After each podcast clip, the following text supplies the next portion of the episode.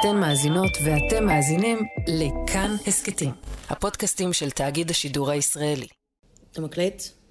היי, אנחנו כאן בעוד פרק של יפי נפש בחירום. אה, אנחנו שוב מקליטים בזום, אז אנחנו מתנצלים על איכות הסאונד הלא מושלמת, אה, אבל אנחנו כאן איתכם, כל אחד מביתו.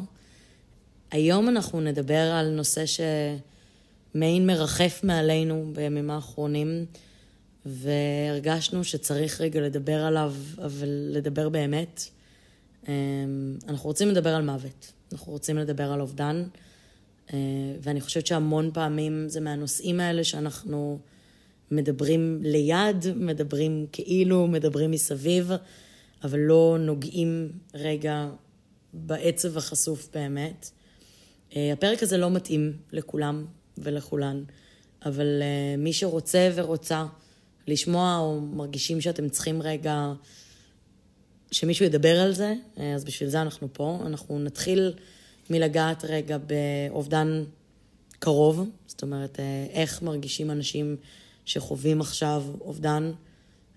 אחרי זה נעבור לאיך אפשר לעזור, ללהיות מעגל שני, ללתמוך במי שאיבדו כל כך הרבה, ונסיים בתחושת אובדן קולקטיבית, בבור הגדול הזה בבטן שאני חושבת שכולנו מרגישים בשבוע האחרון, ואיך אולי אפשר מתוך העצב הזה דווקא להתחיל לקום מחדש ביחד.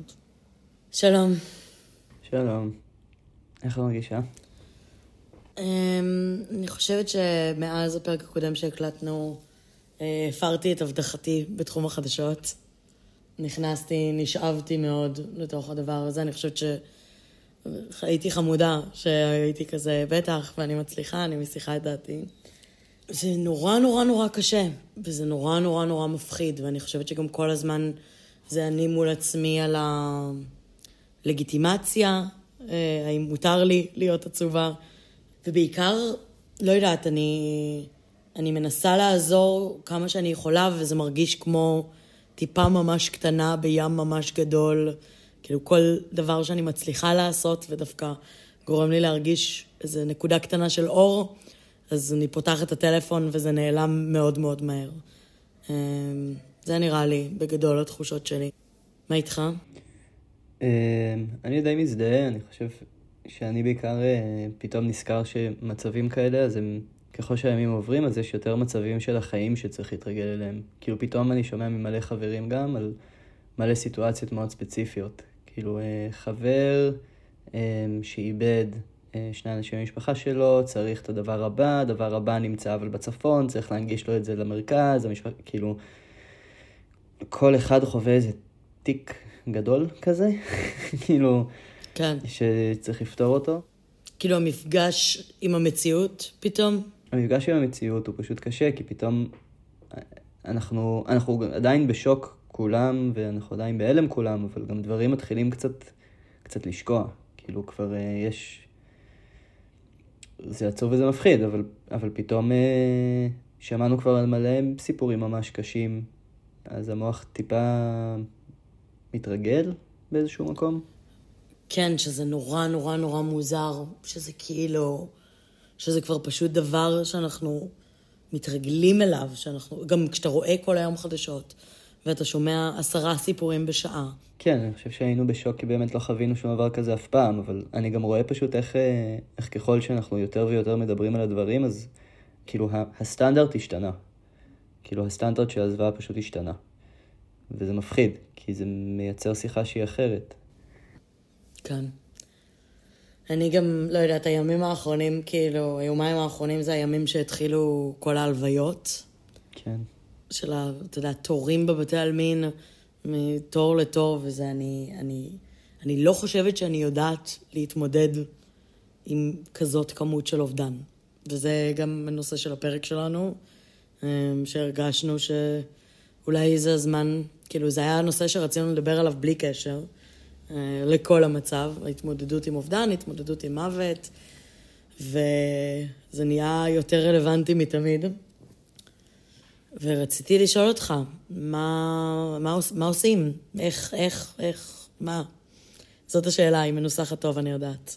בואי רגע נדבר על אובדן, אבל... כי אובדן בתכלס okay. זו אוקיי. מילה שלא אומרים אותה, אבל היא, היא, היא באה ביחד עם מוות, שזה הדבר הכי מפחיד לדבר עליו בעולם. אני חושבת שזה מהדברים האלה ש...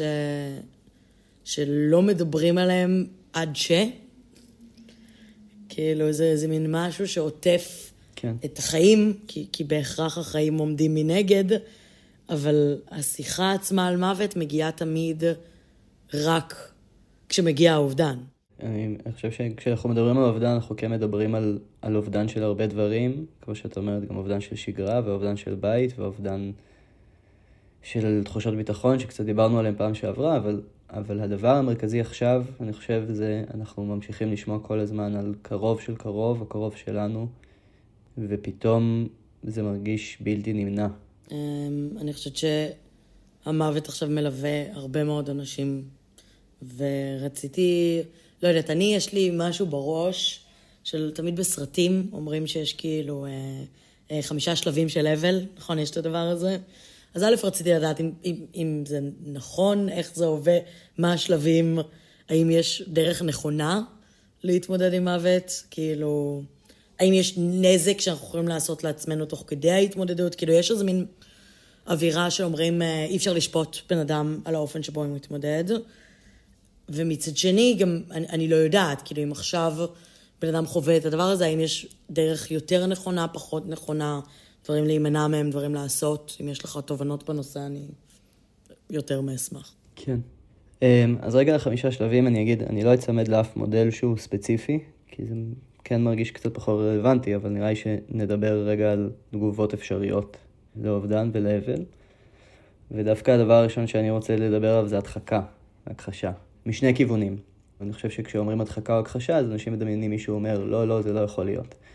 נראה לי שזה קצת מעבר לזה. הרבה פעמים גם אנשים מקבלים שהדבר הזה קורה, והם אה, בהדחקה של הרגשות שלהם, אני רואה את זה מאוד עכשיו סביב חברים שהם מאוד במרכז של האירוע הזה, אה, שהם אומרים, בסדר, כאילו אני...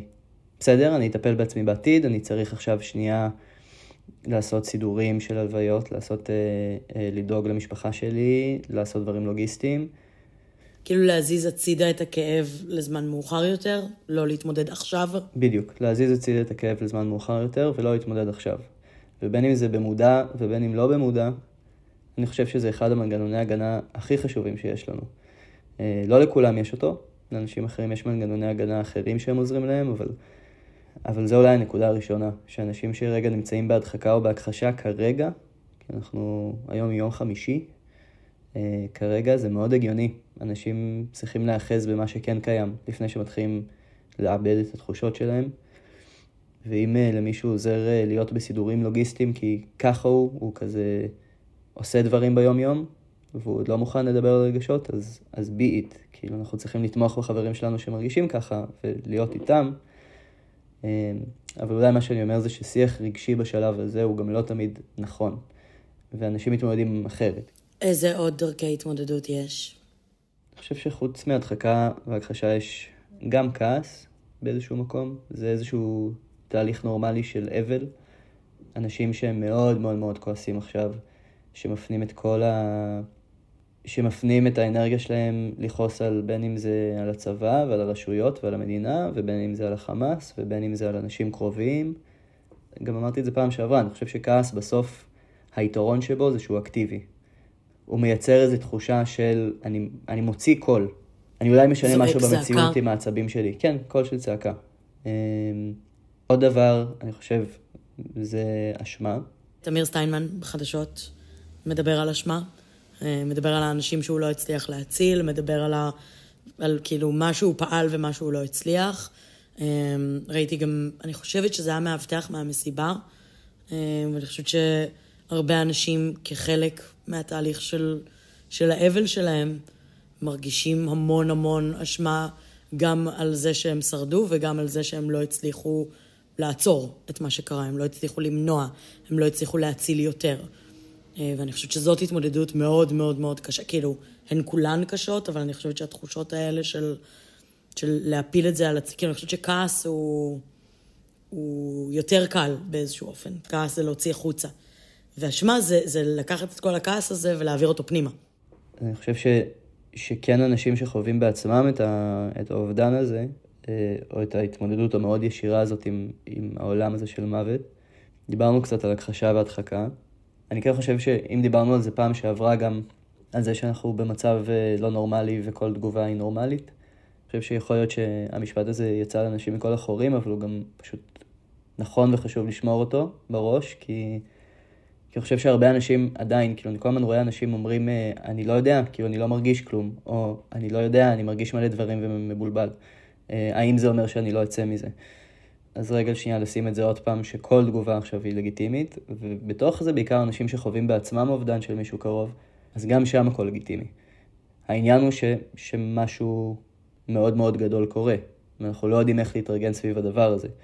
אה, ובין אם אני מדחיק את זה רגע ושם את זה בצד, ואני בוחר לא לדבר על זה עם אף אחד, ושנייה לא להבין איפה אני נמצא, ובין אם זה אומר שאני מתעסק בזה כל הזמן ואני לא מצליח להפסיק לבכות, ובין אם אין לי כוחות לזוז, הכל מאוד מאוד הגיוני. כאילו, אנחנו צריכים להתרגל לאיזשהו מצב חדש, וזה מעניין אפילו כמה אני נזהר מלהגיד דברים. אני נזהר גם כי אני חוויתי אובדן בעצמי של מישהו מאוד קרוב אליי, וזה... אז קשה לי גם להיכנס לעולמות האלה של דיבור על מוות ושל אובדן. אמ, אבל בעיקר אני, אני חושש כי אני אומר, כל המילים שאנחנו אומרים זה מאוד רציונליים. זהו, אז אני, אני רוצה רגע לשאול אותך, ותחדול אותי אם אתה מרגיש ש, שהגזמתי. אבל לצורך העניין, מה היית רוצה שרועי של עכשיו, כאילו מה היית אומר לעצמך של אז, שאולי היה יכול לעזור בהתמודדות הזאת? אני חושב ש... קודם כל אני כן יודע שמה שעזר לי זה שהיה בן אדם אחד שידעתי שהוא איתי בזה. בן אדם אחד. למרות שהיו עוד. שבאמת מבין. לא, לא באמת מבין, בן אדם אחד שבאמת נמצא. שאני יכול להיות חשוף לחלוטין לידו, אני יכול להיות הכי מכוער עכשיו, אני יכול להיות הכי כועס ועצוב ועצבני ומפוחד, והבן אדם הזה יאהב אותי לא משנה מה, ויגיד לי, אתה צודק. אתה פשוט צודק, פשוט פיזית הייתי, יחבק אותי, יחזיק את היד, יביא לי מים. אני חושב שזה הדבר המרכזי שאני מאחל לכל אחד שחווה עכשיו אובדן, שיהיה לו את הבן אדם הזה, ואם אתם הבן אדם הזה שאמור להיות בשביל הבן אדם הזה, אמ, אז זה תפקיד מאוד קשה להיות בו, אבל הוא מאוד מאוד חשוב. אמ, מה שהייתי אומר לרועי זה שכל מה שהוא מרגיש הוא לגיטימי. אני חושב שזה הדבר היחידי גם שאפשר להגיד למישהו במצב כזה על אמת. אני חושב שהדבר היחידי שאפשר להגיד למישהו זה אתה, אתה צודק. כי אפילו האחריות של לטפל בעצמך במצב כזה שאתה חווה אובדן, אז זו אחריות גדולה מדי. אני חושב שאחד הדברים באובדן זה אנחנו משתנים מאוד מהר. ביומיים הראשונים אני יכול להיות ממש בהלם, וביום השלישי כבר אני יכול פתאום לראות קצת אחרת, וביום הרביעי פתאום יכולים להתחיל לי סיוטים, וביום החמישי אני יכול לרצות לצאת מהבית וללכת לעזור לאנשים אחרים. זה, אין לזה, אין לזה באמת קו ישר, או איזשהו תהליך בריא. צריך להיות עם הבן אדם בתוך הסיטואציה שהוא נמצא בה. מה שהייתי רוצה בשבילי, ומה שאני רוצה בשביל אנשים שחווים בעצמם אובדן עכשיו, זה שהמישהו הזה שאיתם ידע להתאים את עצמו אליהם. ידע לשאול מה אתם צריכים עכשיו. בסדר, עד עכשיו לא רצית אף אחד, עכשיו אתה כן רוצה, יאללה, בוא נביא עוד אנשים. עד עכשיו לא הצלחת לאכול כי לא היה לך תאבון ולא הצלחת להתקלח, עכשיו כן, יאללה, בוא נכין אוכל. אמ, אבל להיות עם הבן אדם בעכשיו, אני חושב שזה הכי חשוב, כי בסוף מה שקורה קוגנטיבית, זה שהראש מנסה להשתלט על הרעיון הזה. כאילו, כל כך הרבה דברים קורים כשאנחנו חווים אובדן של מישהו. כאילו, זה גם מעכשיו הסיטואציה לא תהיה אותו דבר, זה גם אבל על מה שהיה ולא ימשיך. זה גם כעס, זה גם חוסר אונים שלי עם עצמי, כאילו התחושה הזאת אולי של האשמה שבן אדם חווה על למה לקחו אותו ולא אותי.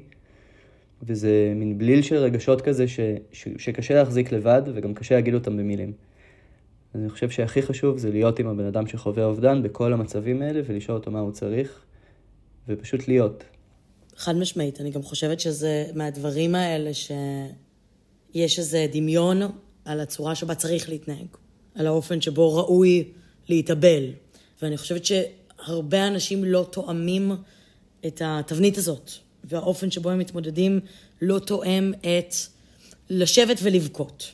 בסדר? הרבה אנשים ישבו ויבכו, אבל יהיו אנשים שפשוט יהיו בשוק, יהיו אנשים שיכסאו מאוד, יהיו אנשים שיצחקו. בסדר? שגם ילכו למקום הזה וישתמשו בהומור, ואנשים יסתכלו מהצד, ו- ו- ואני חושבת שהדבר הבאמת משמעותי, שכל תחושה היא באמת לגיטימית. והריפוי, שוב, ו- וזה רק מ- מהסתכלות מהצד, אני יכולה להגיד, אבל, אבל הריפוי לא קורה ביום והוא לא קורה ביומיים, וגם זה, זה חיים שלמים של להמשיך לעבוד ולרפא. ואם אני אתנהג בשבוע הזה, או בשבועיים האלה, או בחודשיים האלה בצורה מסוימת, זה לא אומר שאני לא מטפלת בעצמי, לצורך העניין. אני מבין למה שאת מתכוונת. אני חושב שכשאנחנו חווים אובדן, אז אנחנו... אז לא הכל כל כך רציונלי פשוט. והוא גם לא אמור להיות רציונלי. הוא יכול להיות רציונלי גם לאנשים שזה הדרך התמודדות שלהם, אבל בגדול, רוב מה שקורה, לרוב אצל אנשים, זה שהם מאבדים שליטה. אני חושב שמה שכן הייתי אומר לאנשים שחווים אובדן עכשיו, זה שמותר להם לאבד שליטה. הם כבר איבדו שליטה. זהו, זה, זה מה שבאתי להגיד. זה, זה מה שקורה. עכשיו, בתוך זה, יש אנשים שהדרך שלהם להתמודד היא להחזיר לעצמם שליטה, ואני בעד. יש אנשים שהדרך שלהם לשלוט היא, כמו שאמרתי קודם, לא לדבר על זה ולהיות ב... אמ, בדברים שקשורים לארגוני הלוויות ולהודיע לאנשים, ויש המון דברים שאנשים עושים סביב זה, וזה שומר עליהם, ואם זה מה ששומר עליכם, אז תעשו את זה, כי זה מה שאתם צריכים. אבל אם אתם לא שם, אם אתם הכל overwhelming בצורה לא הגיונית, אז הדבר היחידי שכן אני רוצה להגיד במקום הזה, זה לנסות שיהיה בן אדם אחד שאתם נותנים לו את האחריות איתכם. אחד, כאילו מישהו שאתם יודעים ש... שהוא, שהוא לידכם, שאתם רוצים שהוא יהיה לידכם, ושאתם יכולים להגיד לו, תהיה פה בסביבה. אל תדבר איתי, אבל תהיה פה. אמ, אז אולי זה באמת הזמן לעבור למעגל השני, זאת אומרת, למעגל העוטף, אמ, שאני יכולה להגיד שברוב ההתמודדות שלי לפחות מול מוות, זה המקום שאני הייתי בו. ואני חושבת שהמון פעמים... כאילו מעבר לאיך אפשר לעזור, שאני חושבת שנדבר על זה עוד רגע, אני רציתי לדבר רגע על התחושת uh, אשמה.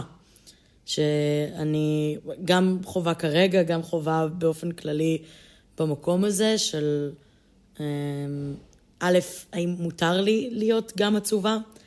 כאילו, האם, האם זה בסדר? זה אולי לא היה הבן אדם שהיה הכי קרוב אליי, אבל אבל מאוד קשה לי לראות אנשים שאני אוהבת כשקשה להם. מאוד קשה לי האובדן של הבן אדם, גם אם הוא לא היה הבן אדם הכי קרוב אליי בעולם, אבל הרבה פעמים, או לפחות אצלי, זה היה המפגשים הראשונים שלי עם מוות. והמפגש הראשון הזה עם מוות הוא מפחיד גם אם זה בן אדם רחוק. כאילו, אני קיבלתי אה, הודעה אתמול ממישהי שמישהי אה, מהכיתה שלה, בדודה שלה מתה. והיא הייתה נורא נורא עצובה. ו... כאילו, ילדה בת 16, לא זה, אבל אמרתי, והיא אמרה, כאילו, אני נורא עצובה ואני מרגישה נורא רע, כי זה, זה אפילו לא בדודה שלי. ו- ואני חושבת שיש משהו ב- במפגש הראשוני הזה עם אובדן, עם המפגש הראשוני הזה עם מוות, המפגש הזה שפתאום מערער גם למעגל השני או השלישי um, הרבה הנחות יסוד שהיו לנו על החיים, כמו נחיה עד גיל 90 ונמות אחרי שחיינו חיים מלאים ושמחים במיטה שלנו ליד בן אדם שאנחנו אוהבים. ואז אנחנו רואים שהמציאות היא, היא, היא לא בהכרח כזו.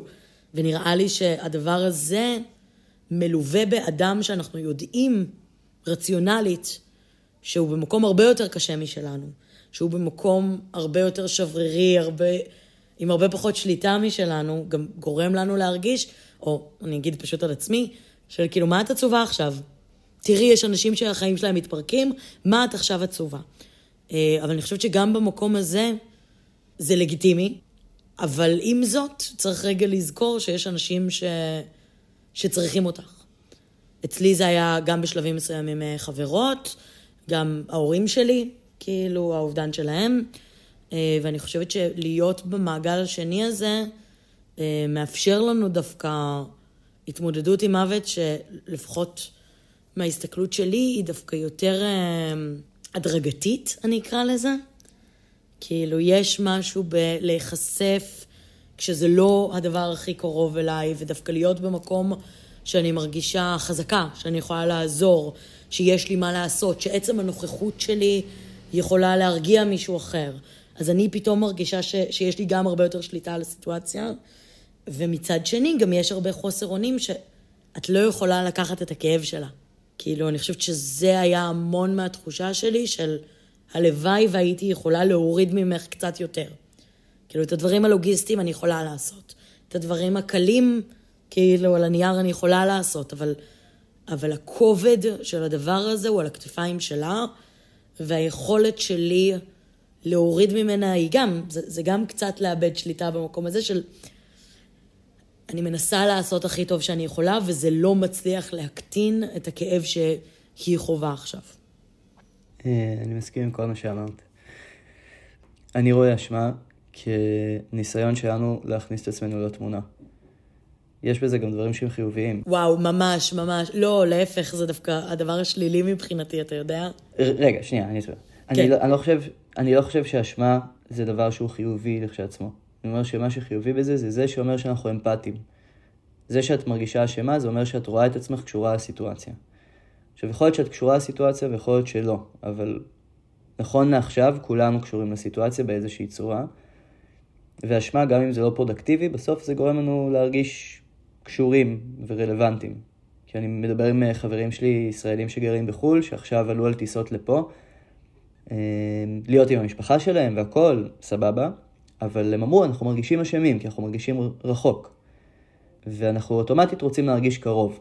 כי אנחנו באמת, אני חושב, מרגישים שאם אנחנו נרגיש שאנחנו סובלים, אנחנו ניקח את הסבל מהאדם השני. והדבר החיובי בזה בעיניי זה שמראה שאנחנו אנשים אמפתיים. לא שאני אומר שמי שלא מרגיש אשם לא מרגיש אמפתי. כן, אני, אני אגיד לך מה, אבל להכניס את עצמנו לתמונה, זה בדיוק חלק מהאשמה שלי או מהתחושות שלי. כאילו, אני יכולה להגיד על עצמי שאני בימים האחרונים כאילו גם לא, לא הייתי כזה פעילה בכלל באינטרנט.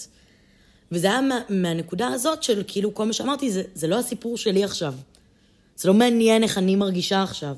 אני חווה בדיוק את, את אותה תחושה, בסדר? אבל, אבל אם שנייה אני מסתכל עלינו תומכים באנשים שבאמת חווים עכשיו אובדן ישיר של מישהו שיקר להם, אז אני חושב שגם לפעמים מישהו צריך להגיד בשבילם את המילים, שהם יוכלו להתחבר למשהו. אני רגע אקריא שיר קצר ששלחו לי הרגע, בסדר? בטח. אהבתי, אני מכניס שירה. לשיר קוראים "אם תפגוש אדם שבור" של סמדר וינשטוק. אם תפגוש אדם שבור, שב איתו, על סף השבר הארור. אל תנסה לתקן, אל תרצה שום דבר. ביראה ובאהבת הזולת, שב איתו, שלא יהיה שם לבד. יואו, זה ממש זה. בסוף, אני, אני רגע, אני מפריד בין הדברים. אנחנו גם דיברנו על זה קצת פעם שעברה. כרגע גם אנחנו כמטפלים, אנחנו עוד לא במצב של טיפול. מה שמטפלים עושים זה לא טיפול קליני אה, פרופר. מה שעושים זה התערבות ראשונית בחירום. ואני חושב שברמות שונות, אנשים שהם גם לא מטפלים, יכולים לעשות את זה. כי בסוף להתערב בחירום, הדבר הראשון זה קודם כל להגיד למישהו, אני איתך. אני איתך, אתה לא לבד. כשמישהו חווה קרבה למוות, אז הוא מרגיש שהעולם קורס, אז שנייה להגיד לו, אהלן, אני איתך, אני נותן לך ביטחון. אני פה. אני פה. אני חושב שאם אנחנו לצורך העניין מדברים עם מישהו שאין לנו קשר כל כך קרוב איתו, אבל יצא ואנחנו כן נהיים בקשר איתו סביב הסיטואציה הזאת, אני חושב על נגיד הרבה אנשים שמתנדבים עכשיו עם אנשים שהם מפונים מעוטף עזה, אמ, אז הדבר הראשון שצריך לעשות זה ליצור איזושהי רמה של אמון. איך יוצרים אמון? אה, קודם כל, להראות ששנייה אני איתך ואני מרוכז בך. דבר שהיא חלק מה, מהעניין של ליצור אמון זה לא ליצור אה, אכזבה מראש. זאת אומרת, אם אני יודע שאנחנו עכשיו בקשר לחצי שעה, כי זה מה שיש לי להקדיש לך, אז להגיד, אני פה לחצי שעה, אבל בחצי שעה הזאת אני איתך. אה, וגם אם אני בא עכשיו לניחום אבלים אצל מישהו, אז גם להגיד לו, כאילו, אני כאן, אני ממש רוצה להיות איתך בשעתיים הקרובות, ואני פה. בשביל שלא יבוא לו בהפתעה. אני חושב שזה הדבר שמייצר הכי הרבה אמון, זה להגיד, זה מה שאני מחויב לו בקשר שלנו, ו- ואני פה ואני אעמוד בזה, ולהבטיח דברים שאנחנו יודעים להבטיח. הדבר השני כרגע, עם אנשים שחווים אובדן, זה, קוראים, קוראים לזה הקשבה אמפתית, אבל, אבל בסוף זה אומר באמת להיות עם הבן אדם גם מבחינה, כל בחינה, מבחינה אנרגטית, להיות מוכוון לבן אדם, למה הוא מרגיש, להרגיש אותו, להגיד פחות, לשמוע יותר, להראות שאני גם יודע לשמוע את מה שאתה אומר. הרבה פעמים אנחנו, כאילו אנחנו מאוד מאוד מרגישים שאנחנו רוצים לעזור, אז אנחנו מכסים את השיחה במשפטים ובמילים. וגם אם אין שיחה וגם אם הבן אדם לא אומר הרבה דברים, אז כנראה אולי הוא גם לא צריך לשמוע הרבה דברים. אה, ועצם הנוכחות איתו, ולהחזיק לו את היד, ולהיות איתו, ולראות איתו חדשות כי זה מה שהוא עושה, אה, אז גם זה עוזר. המטרה שלנו היא לא לטפל באנשים, המטרה שלנו היא לתמוך באנשים כרגע. אז זה דבר שני. דבר שלישי, דיברנו על זה קצת, אבל אחד הדברים שקורים לאנשים שחווים אובדן ושחווים טראומה, זה תחושת החוסר אונים וחוסר ודאות וחוסר שליטה.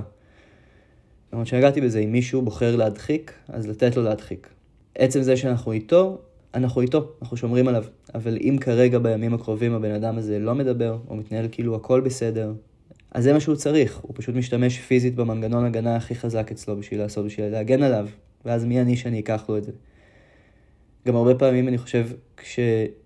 בסוף הבן אדם הזה כן מדבר, מדבר עם איש או אשת מקצוע, אז הם אולי מאפשרים לעצמם גם דברים אחרים.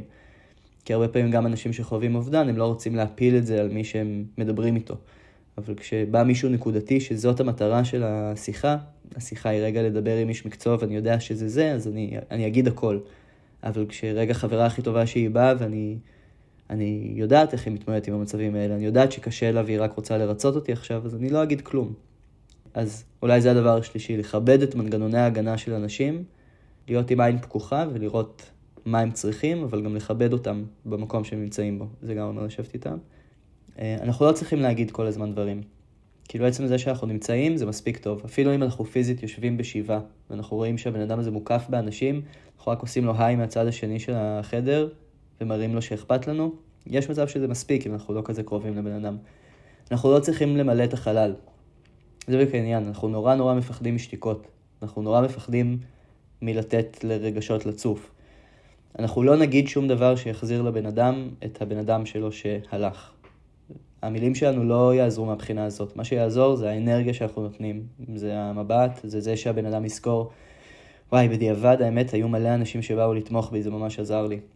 אמ, שהם ירגישו שיש מסביבם קהילה. זה, זה הסיפור בעיניי. ונראה לי זה אולי מעביר אותנו לחלק השלישי והאחרון של תחושת אובדן אה, קולקטיבית. שאני חושבת שכשדברים כאלה קורים, כשאסונות בסדר גודל האלה קורים, יש איזו תחושה, גם כשלא מכירים אף אחד, ש... של אובדן. שאיבדנו משהו כקהילה, איבדנו משהו כקבוצה, איבדנו משהו כמדינה. אמ, ורציתי לשאול אותך מה... לא יודעת, איך אתה מרגיש בהקשר הזה? אז אני אגיד קודם כל שאני חושב שהדבר הכי חשוב זה שאנחנו ניכנס ל mindset של, אה, של העתיד גם. כאילו, אנחנו צריכים להיות כל הזמן במתח שבין ההווה לבין העתיד. כי העתיד הוא נותן תקווה. העתיד נותן דברים לקום שם בבוקר. אנחנו צריכים לשאול אחד את השני, כשכל זה ייגמר, מה אתה רוצה לעשות? לאיפה אתה רוצה לנסוע? את מי אתה רוצה לראות? אנחנו צריכים לתת לאנשים איזושהי תחושה שיש, שיש אופק בעולם. כי אנחנו עדיין בתוך האירוע הזה, ואנחנו עדיין, משהו ב, בעכשיו הוא לא ברור. ואם אין עתיד שיש לו יש איזושהי תקווה סביבו, אז זה מאוד מאוד קשה. אני חושב שזה דבר אחד. אני חושב שדבר שני צריך לזכור אני חושב שהתחושה ש... כאילו שאנחנו צריכים ליצור זה תחושה של ביחד. גם אם זה מרגיש מאולץ, גם אם זה מרגיש לוי דווי. זה, זה המקומות ש, שאנשים בסוף צריכים. לצד ביקורת, לצד שיח פוליטי, לצד לכעוס, לצד מלא דברים, אנשים צריכים גם את זה. כאילו לא סתם החדשות מראים כל הזמן על, אה, על התחומה האזרחית וההתארגנויות האזרחיות. צריכים את זה כי זה מה שמייצר תחושה שיש יש לי במה לסמוך. ויש לי עתיד. כאילו, אני, אני חושבת ש, שמבחינתי ה, הייאוש הזה, זה, זה אולי אחת התחושות שהכי מלוות אותי, כאילו גם אני מסתכלת על ה... לא יודעת, על, על החדשות, על ההתארגנויות האזרחיות, ויש בי גם זה באמת עוזר. כאילו, אתה יודע, אני רואה אנשים שרים במרפסות התקווה. אובייקטיבית עושה חמים בלב, לא יעזור כלום.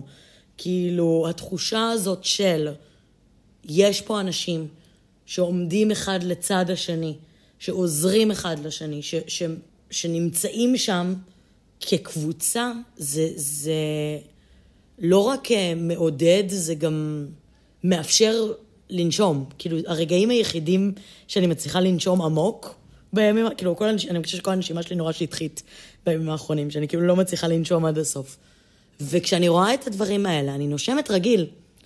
אני נושמת כאילו יש משהו שבוע הבא, כאילו אפשר לתכנן משהו לעוד חודש. ובשאר היום אני לא מצליחה לחשוב ככה. כאילו, בשאר היום אני לא מצליחה לחשוב שעה קדימה. ויש משהו בדברים האלה שאני אומרת, אוקיי, אפשר, אפשר לבנות מחדש, אפשר, לא יודעת, לאסוף את השברים, אני לא יודעת איך, אבל... לא, כן, זה בול, מה שאת אומרת הוא בול. כאילו, כאילו תביאו לי את שבט אחים ואחיות, כאילו 24-7. עכשיו, לווריד. עכשיו. אני חייבת שבט אחים ואחיות. זה, זה ממש זה.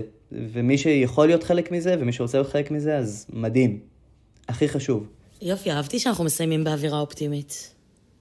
אני חושבת שהפרק הזה, מבחינתי לפחות, היה נחוץ. כאילו, אני מרגישה שיש מין פיל בחדר, שאנחנו לא מפחדים לגעת בו, שאנחנו הולכים על ביצים, יש לי עוד כל מיני מטאפורות שאני יכולה זה, אבל אני חושבת שלנהל את השיחה הזו על מוות היא קשה, והיא לא פשוטה, והיא לא משהו שבא בטבעיות לאף אחד.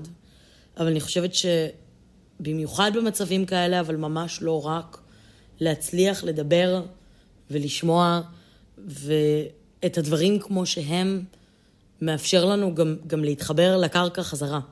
ועם כמה שזה קשה, ועם כמה שזה עצוב, ועם כמה שזה גם מרגיש לפעמים לא בנוח, אני חושבת שיש משמעות ב, בלנהל, שוב, כשזה מתאים, ולאנשים שזה מתאים להם, ובזמן שזה מתאים, ועם המון רגישות והבנה של הסיטואציה, אבל יש משהו בדבר הזה ש, שמאפשר לנו רגע להרגיש שוב את הקרקע. וכשמרגישים שוב את הקרקע אפשר גם לנסות להצמיח מחדש שורשים. זהו, אנחנו סיימנו להיום. אני אגיד שאנחנו שולחים חיבוק מאוד גדול לכל מי שחווה אובדן בין אם בקרבה קרובה ובין אם בקרבה רחוקה. אני חושבת שכולנו רגע צריכים איזה חיבוק ממש ארוך, לא משנה ממי, כאילו צריך רגע איזה חיבוק טוב כזה. זהו, אז אה, תודה רועי. תודה לדניאל מאורר שעורכת אותנו, תודה לכאן הסכתים. אה, אם חשבתם על מישהו במהלך הפרק הזה ואתם מרגישים שזה מתאים לשלוח לו עולה, אה, אז אני חושבת שזה מאוד יכול לעזור. אה, ואני מאוד מקווה שאת הפרקים הבאים נקליט עם הרבה יותר תקווה ועם תחושת עתיד הרבה יותר ברורה. וזהו, אנחנו ניפגש בהמשך. ביי יוש.